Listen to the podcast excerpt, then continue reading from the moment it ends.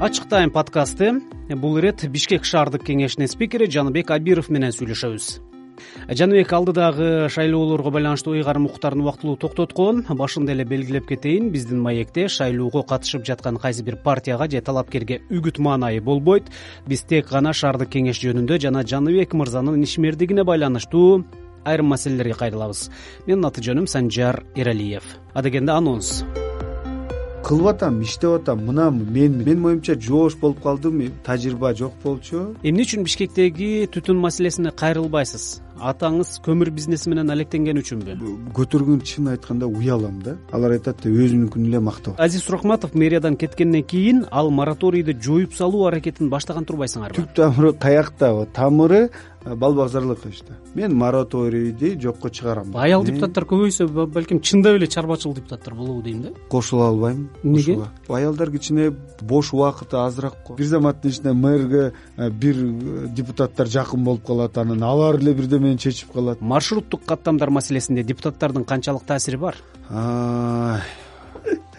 Жоош жоош ачык тайм подкасты ачык тайм подкасты жаныбек мен бул маектин алдында бишкек шаардык кеңешинде сиз менен чогуу иштегендерден жана мэриядагы кызматкерлерден сиз жөнүндө сурадым. Абировго кандай мүнөздөмө бересиңер деп. Э, сиздин дарегиңизге үч түрдүү мүнөздөмө көбүрөөк айтылды. Иштерман жоош куу куу бул хитрый дегени жоош жоош э. эми суроо э, саясатта жоош болгондун кандай пайда зыянын көрдүңүз? Жана куулук кандай натыйжа берди? Биринчи характеристика боюнча иштерман боюнча биз ошол себептен төрт жыл мурун аттанганбыз да иштейм деп. Чоң максаттар бар болчу кудай буюрса жарымына жетти деп ойлойм жөн эле мандатты алып алып удостоверение күбөлүктү алып алып эле ошо менен жүрө берсе анда төрт жылда төрт жыл бачим эле бүтөт. Шайлоочуга барганда анан шайлоочу сурайт. Эмне кылдың сен? Ол жакта күбөлүк эле алып алып эле отурдуң да жөн эле депчи шайлоочуга жооп бериш үчүн э, куулук талап кылынат турбайбы анда э? Же жоош момундук менен кырдаалдан чыгып кетсе болчу да менин моюмча жоош болгону менен жоошмун өзүмдүн кесиптештерим менен. Себеп төрага болгону менен биздин укуктарыбыз тең эле мен жөн эле алып баруучумун менин моюмча. Бишкек шаардык кеңешинин төрагасы алып баруучу модератор. Модератор эле да. Анан жетекчи эмесмин. Аппаратыма дагы менин моюмча жоош болуп калдым. Себеп тажрыйба жок болчу. Бишкек шаардык кеңешинин жумушу кичине өзгөчөрөөк анан э, төрт жылдын ичинде үч президент дагы болуп калды анан төрт беш мэр болуп калды. Стабильность жок болгону менен. бул боюнча өзүнчө суроом бар. Ошол себептен стабильность болсо анда уже башкача кичине ишти алып барса болот. Азыркы учурда жоош деп мен өзүмдү айта албайм. Себеп мен көп нерсени үйрөнүп калдым мыйзамдарды да көп билип калдым нормаларды дагы билип калдым. Анан мени азыр жакшы сөздөр менен анан комплименттер менен жоош кыла албайт куу боюнча бул жакта ар бир адам менен тил табыш керек. Анан жөн эле мен мен дей берип эчтеке бир дагы ишти дагы уланта албайсың и максатыңа жете албайсың. Ошол үчүн хитрый дегени менен элестетиңиз санжар аке келип алып анан коомдо көп э, талкуу дагы жараткан атасы бизнесмен анан сөздөр болгон анан келип алып эле мен мен дей берген менен туура эмес ошол себептен мен бүт баары менен тил табышып эле жүргөм. Анан тил табышсам алар ойлошот экен бул хитрый депчи. Куу сапаты бар депчи. Сиз эки миң он сегизинчи жылдын сентябрында бишкек шаардык кеңешине төрага болдуңуз. Алгач спикер болгондо кандай дымагыңыз амбицияңыз бар болчу? Кайсыл пландар ишке ашты кайсыл жумуштарды жасаганга күчүңүз жеткен жок? Же убактыңыз жеткен жок? Биринчиден бишкек шаардык кеңешине төрага болгондо эң чоң максат биздин ички документтерди карап чыгуу инвентаризация деп айтса болот. Ошолорду анан ички документтерибиз кичине аларды бир реттеп коюш керек болчу. Ошону кудай буюрса реттедик анан экинчи маселе аткаруу аткаруу жактан протоколдук тапшырмалар берилет анан токтомдордо жазылат ошону көзөмөлдөп койгула деп ошо аткаруучу бийлик көбүнчөсүн окубай калат. Анан ошол токтомдордо жазылуу ушул тапшырмаларды карап чыктык. Анан дагы бир жолу аткаруучу бийликке мэрия тарапка ошол боюнча сунуштарыбызды э, жана сын пикирлерди айттык кат жүзүндө ошолорду кылып коюш керек депчи анан экинчи чоң максат бар болчу онлайн жүргүзүү туруктуу комиссияларыбызды сессиябызды ошолорду онлайн көрсөтүп анан бүт баары ойлойт экен да шаардыктарчы. Булар бирдемени жашырып атат депчи. Ошол себептен онлайн жүргүзүп баштаганда комиссияларды көрүп баштаганда шаардыктар кичине и журналисттерге дагы массалык маалымат каражаты өкүлдөрү дагы көрүп баштады. Просмотр дагы уже көбүрөөк болуп калды. Ошондон кийин кичине ачыкка чыгаралы депчи өзүбүздүн ишмердүүлүгүбүздү ачыкка чыгарып коюш керек деп ошондой максаттар болчу.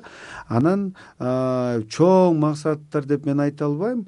Эмнени мен кыйратып ийем депчи. Эң негизги менин оюмча мораторий болчу ошол убакта азиз эмилбекович менен дагы төрага болгондон кийин пландап атканда ал айткан ошо коррупциялык иштерди жер маселе чоң жер мафия чоң болуп атат. Ошол себептен ал сунуш киргизген момундай кичинекей комокторго үч жылга мораторий а курулуш компанияларга жерди жер жерди ижарага алганга курулушка ошолорго мораторий киргизели депчи. Ошондо ошол чоң максат өзүмө коюлган ошондон кийин ошону ишке ашырдык. Бирок э, азиз суракматов мэриядан кеткенден кийин ал мораторийди жоюп салуу аракетин баштаган турбайсыңарбы жок момундай болгон. Менин оюмча ачык эле чындыкты айтайлык. Бир группа депутаттар айтып калышты. Ошол убакытта түп тамыры каякта тамыры балбак зарлыкович да балбак айтып калды. Биздин депутаттар менен чогулушта сүйлөшүп атканда ал айтып калды. Мен мораторийди жокко чыгарам деп биз өнүгүш керекпиз курулуш компаниялар салыш керек э, имараттарды. Ошол себептен бизге жергиликтүү бюджетке каражатты биз топтош керекпиз депчи ошондон кийин биз долбоорлорду ишке ашырабыз деп ал ошондой түшүндүрмө берип койгон. Бирок биз айтканбыз жок жарым жарымы айтты и туура биз мораторийди жокко чыгарыш керекпиз деп. Жарымы айтып калды жок ошону тийбеш керек ижарага алган жерлер абдан көп бирок курулуш компаниялар ошол жерлерди салбай эле турушат. Анан аренда ижарага үчүнчү лицого уже берип атышат деп ошондой сатып атышат деп аренданы. Ошол себептен биз э, кайсы жерлер уже ижарага алынган ошолорду салып бүткөндөн кийин биз мораторийди жокко чыгарыш керекпиз деп. Анан ошол талкууда көп талкуу көп коомдо жаралды. Эмне себептен алар айтып калышты шаардык кеңеш ошол мораторийди жокко чыгарат деп. Бирок азыркы учурда мораторий бар. Балбак зарлыкович деп калдыңыз. Угарманга маалымат үчүн айта кетели балбак төлөбаев былтыр октябрдагы бийлик алмашуудан кийин кызматтан кеткен мэр азиз суракматовдун ордуна мэрдин милдетин аткаруучу болуп келип убактылуу иштеп кеткен чиновник ачык тайм подкасты. Ачык тайм подкасты. Улантабыз жаныбек мырза сиз жыйырма тогуз жашыңызда спикер болдуңуз. Чынын айтыңызчы өзүңүздөн улуу депутаттардан кенебес мамиле болдубу сизге? Жаш бала да дегендей кырк беш депутаттан төртөө эле менден кичүү кырк кырк депутат агаларыбыз эжекелерибиз менин кесиптештерим улуу менден алардыкы сөзсүз тажрыйбасы көбүрөөк. Жашоонун тажрыйбасы анан иш жүзүндөгү тажрыйбасы. Бирок шаардык кеңештин төрагага баратканда менин оюмча сексен пайыз депутаттар жакшы сексен пайыз депутаттар менен мамилем абдан жакшы болчу. Шаар шаардын шаардын өкүлү болгондон кийин шаардын маселесин биринчи коюш керекпиз жеке амбиция жеке агалардын көз карашын карай берсек шаардын маселеси чечилбейт. Анан бул төрт жылдын ичинде үч төрага төрт беш төрт төрт мэр болуп калды. Анан ошолор дайыма бир заматтын ичинде мэрге бир депутаттар жакын болуп калат. Анан алар эле бирдемени чечип калат анан бир бир заматта башка мэр алмашылганда башкалар адамдар автор болуп калат. Ошо абдан туруктуулук жок болду. Мени жана угармандарды кызыктырган бир суроо бул коомдук транспортко анын ичинде маршруттук кичи автобустарга байланыштуу. Каттамга кичи автобустарды чыгарган жеке компанияларда шаардык кеңештин депутаттарынын үлүшү бар экенин бул өзүнчө мафия болуп калганы айтылып жүрөт. Бирок чын айтсак кичи автобустар элди сапаттуу тейлебейт сапаттуу тейлөө жөнүндө сөз болсо эле жол кирени кымбаттатуу маселеси менен чыгышат. Маршруттук каттамдар маселесинде депутаттардын канчалык таасири бар? Таасири жок. Үлүш маселесиндечи? Бар. Менин оюмча эки үч депутаттын маршрут линиялары бар. Бирок депутат болсо анан маршруттук линиясы жеке бар болсо жол киренин акысы көтөрүлсө ага жакшы да э, бул көйгөйдү эмнеге чече албайсыңар айтып берем. Айтып бериңизчи ушул айтып берем. Эмне себептен жол киренин акысы биринчиден кантип маселени чечиш керек экинчиден эмне себептер ошондой болуп атканын айтып берем. Биринчиден жол киренин акысын транспорттук маселени чечиш үчүн өзү бүт баарыбыз билебиз. Газ менен автобус алып келиш керек троллейбустарды алып келиш керек маршрут жеке маршруткаларды сыртка чыгарып салыш керек депчи. Бирок жергиликтүү бюджеттен биз ну жыл сайын максимум жыйырма отуз эле автобус ала алабыз. Анан эки миң тогузунчу жылы акыркы жолу нариман тошболович түлеев алган анан эки миң он тогузунчу жылы азиз эмилбекович менен чогуу алтымыш автобусту алдык. Бүттү. Он жыл промежуток эчтеке бир дагы автобус алынган жок. Бирок жыл сайын бюджетте каралабы ал? Жок жок каралбайт. Айтып кетейин албек сабырбековичтин убагында анын планы максаты жол маселе болчу. Азиз эмилбековичтики основной парктар болуп калды. Албек сабырбекович азиз эмилбекович менин оюмча коомдук транспорт боюнча ошол маселелерден кичине этият болуп алысыраак болчу да. Ошо прям көйгөйдү толугу менен түшүнгөн жок. А бул жактан транспорт маселеси жол киренин акысын көтөрүш керек. Мен макулмун ал менен бирок шаардыктарга шарттарды түзүп бериш керек эгерде биз гчп болуп атпайбы муниципалдык частный партнерство атпайбы анда биз бизнеске мүмкүнчүлүк бериш керекпиз. Шарттарды түзүп жол киренин акысын көтөрүп анда шаардыктар эчтеке айтпайт сын пикир айтылбайт. Эгерде жакшы автобустарды алып келсек аларга маршрутный линия бизнеске берсек государственный частный партнерствонун негизинде аларга маршрутный линияларды автобустарга берсек комфортабельный автобус болсо анда жол киренин акысын караш керек. Бизнес э, бизге айтып атат. Хорошо биз алып келели эки жүз үч жүз беш жүз автобус. Бирок рентабельность жок болуп атат деп атат. Эгерде силер жол киренин акысын көтөрсөңөр анда биз автобустарды алып келели дейт. И линияларды бергиле муниципальный линияларды бергиле биз иштей беребиз менин оюмча бул системный подход менен системдик подход менен келиш керек. Кудай буюрса жаңы мэр шайланса ошондо биз эң биринчи эле биз айтабыз ошол боюнча. Ошо компаниялар менен жолук. Китай компания атпы россия атпы белоруссия атпы айырмасы жок давай ошондой ошолорду чакырайлык сүйлөшөлүк. Анан шаардыктардын дагы коомдо да талкуу болуп атат. Ошо биз могумча беш жүз автобус алып келебиз жол киренин акысы момундай болот деп алар менен акылдашып туруп ошону кылабыз. Ошондо туура болот.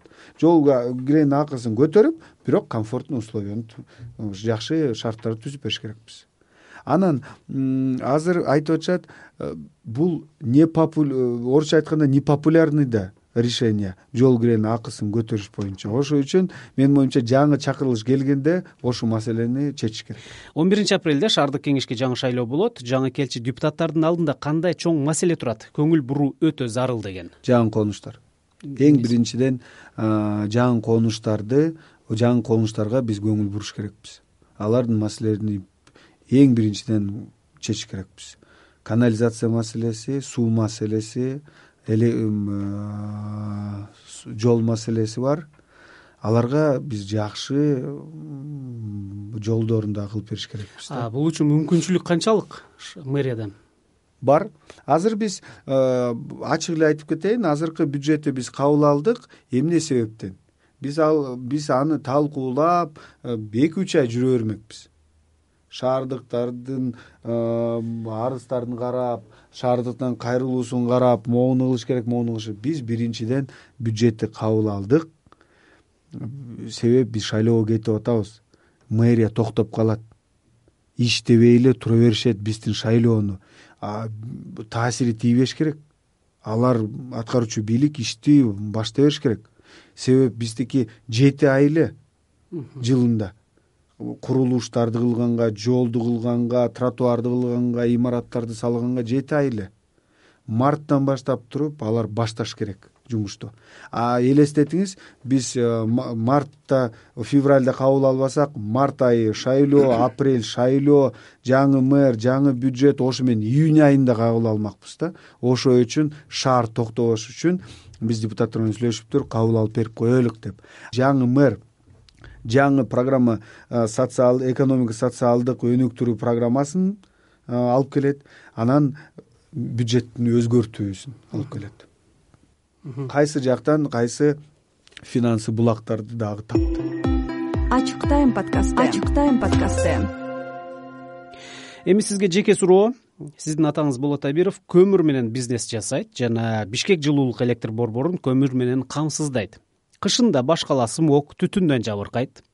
Муну айрымдар жылуулук электр борборундагы сапатсыз көмүрдөн көрүшөт. Мен социалдык тармактагы айрым пикирлерди окусам сизди бишкектин кир абасы тууралуу маселе көтөрбөйт деп сындашкан экен. Эмне үчүн бишкектеги түтүн маселесине кайрылбайсыз? Атаңыз көмүр бизнеси менен алектенген үчүнбү?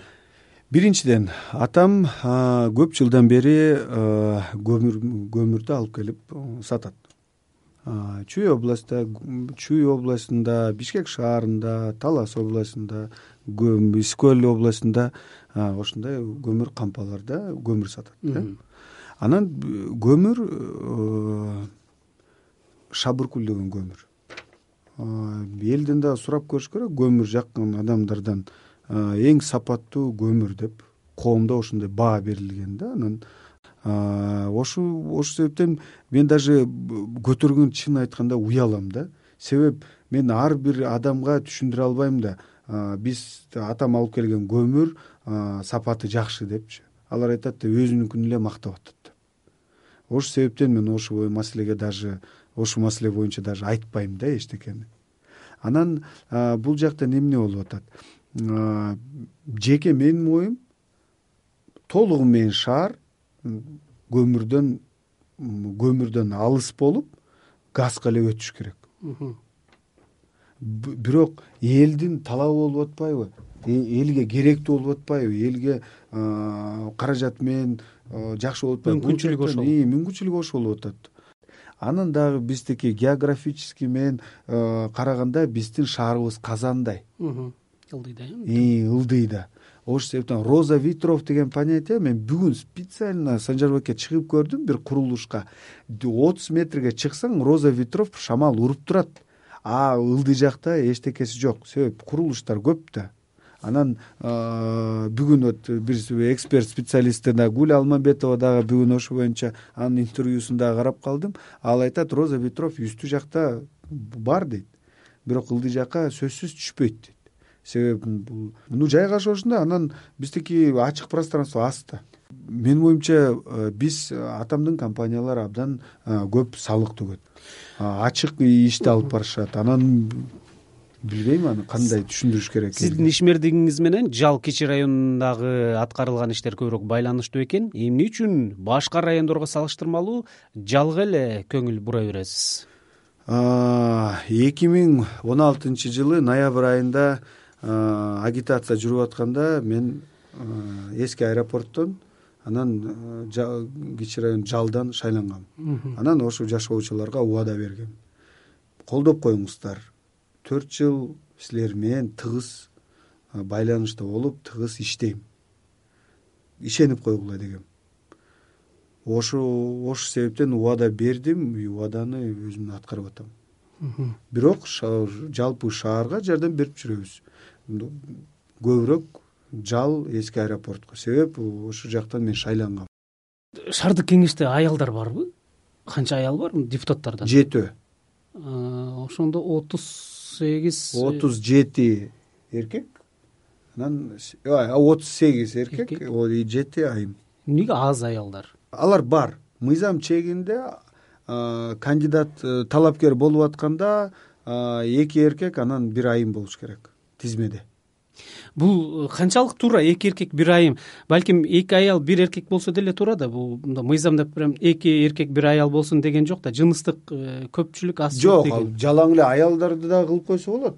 Бирок аялдарды биздики коомдо ушундай ошого көнүп калган да көбүнчөсү эркектер эле саясатка сиз айтпадыңызбы депутаттар чарбачыл болуш керек деп. Аял депутаттар көбөйсө балким чындап эле чарбачыл депутаттар болобу дейм да?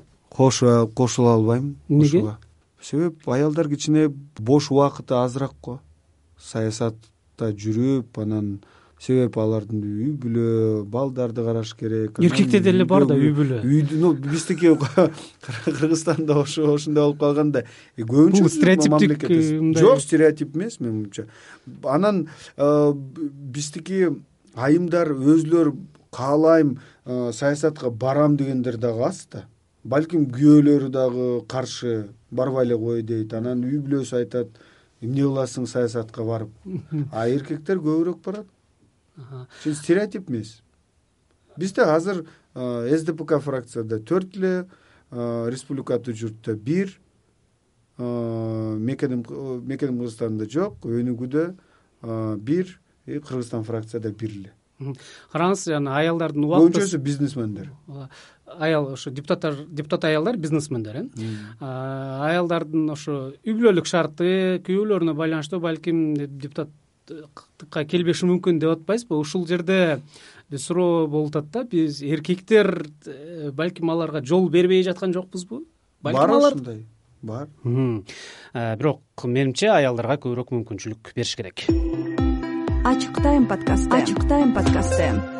Жакында интернетке бир сүрөт чыккан талкуу аябай болду бишкектеги бала бакчанын ачылышынан тартылган сүрөт. Сиз жана башка чиновниктер бар. Ал сүрөттө суукта силер калың кийимде турасыңар. А кичинекей кыздар силерди тосуп алуу милдетин аткарып жука кийимчен турат. Ушул эмне зарыл эле ушул. Билбейм. Уюштуруучу аткаруучу бийлик мэрия. Уюштуруучу биздин билим берүү тармакта иштеген адистер го. Анан алар даярдаптыр анан көп жылдан бери ошо он беш жыл эчтеке курулбай турган пожардан кийин өрттөнгөндөн кийин ошо жөн эле турган ошо жер анан азимбекович улан шайлообекович азыгалиев анан бюджетке сунуштаган ошо киргизпейликпи салбайлыкпы саясий эркти көргөзүп ошол жака бала бакча салып коелук. Анан кыргыз тилдүү бала бакча бала бакча макул анан тиги кыздар да биз келдик. Мен өзүм соц сеттерден кечирим сурадым ошо боюнча. Анан келдик суук кыздар турду. Э, онлайндан дагы көрсө болот. Сүрөттө туура көрүнүп атат. Жука эми көйнөктөрдө турушат туптуура бар ошондой. Бирок менин оюмча максимум бир мүнөт болуп калды го билбейм ошондой өтө прям жакшы даярданып алышты го ошо кыздарды алып келип эле негизи ошондой жок болчу. Сиз негизи ушул ушундай көрүнүштөргө кандай карайсыз? Тосуп алуу балдарды колдонуу кай бир ачылыштарга. Деги ошол учурда сиз байкап айтып коюшуңуз мүмкүн беле? Ай бул кыздар байкуштар суукта турат деп. Чын ошого ошого көңүл бурган жокмун чын. Чын. Келдик сүйлөдүк анан все тез тез давайте кирип кетели деп эле ошо менен эле. көңүл бурбаганыңыз сиздин кемчилигиңиз болушуңуз мүмкүнбү кемчилик. Жаныбек сиз э, социалдык желени активдүү колдоносуз. Мен билгенден фейсбук менен инстаграмда дайыма жаңылыктар менен бөлүшүп түз эфирлерге чыгасыз.